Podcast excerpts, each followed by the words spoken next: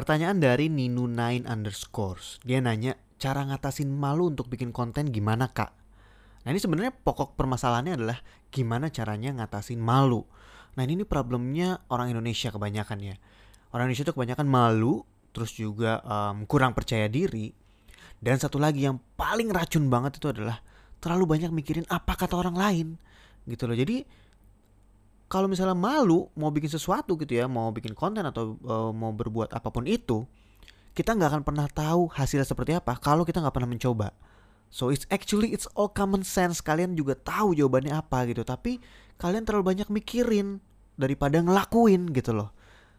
Jadi malu malu boleh gitu ya. Tapi kalau misalnya kita melakukan sesuatu kalau apalagi kita percaya gitu kalau yang kita buat ini itu gue yakin kok yang gue buat ini bagus kok. Gue yakin konten yang gue mau buat ini oke okay kok kayak bisa bermanfaat kok buat orang banyak gitu.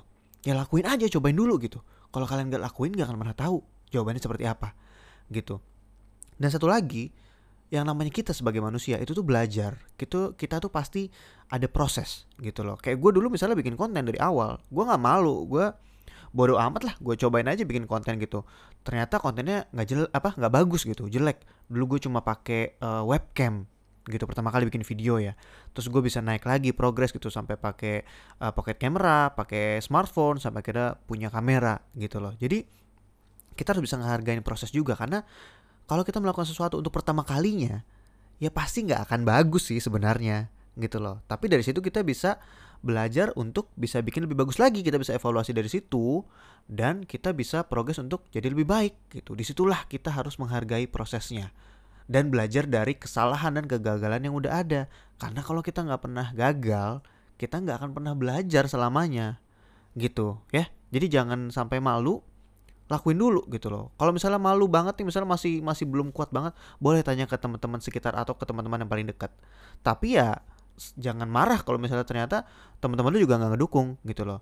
Karena memang harus dari diri kita sendiri gitu loh. Kalau misalnya kita mau untuk lakuin ya lakuin aja dulu gitu. Cobain gitu loh. Kalau misalnya salah ya kita belajar. Kalau misalnya bener ya bagus kita tinggal lanjutin aja. Gitu ya. Jadi jangan takut lah please banget. Jangan takut untuk mencoba selama ya insya Allah kalau misalnya itu positif gitu ya nggak ada salahnya untuk kita coba gitu loh. Kalau misalnya dikatain teman-teman atau orang lain atau mungkin ada followers atau ada orang nggak jelas komen ngata-ngatain, ya emang lo kenal gitu loh. Masa lo hancur hanya karena satu komen doang negatif gitu loh. Ya dari situ kita belajar untuk jadi manusia yang lebih baik lagi. Gitu ya. Thank you pertanyaannya buat Ninu9 underscores.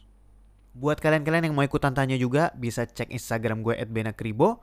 Terus ke bagian highlights gue di situ ada bagian ask me. Kalian bisa buka di situ dan ada bagian kolom untuk naruh pertanyaan. Nanti gue akan memilih pertanyaan-pertanyaan dari situ untuk gue jawab di podcast ini. Dan jangan lupa kalau misalnya udah terjawab atau misalnya kalian merasa podcast ini bermanfaat bisa mention gue di Instagram Stories, screenshot podcast ini dan kalian bisa kasih komentar dan jangan lupa mention gue at Benakribo. Oke, okay? thank you and bye-bye.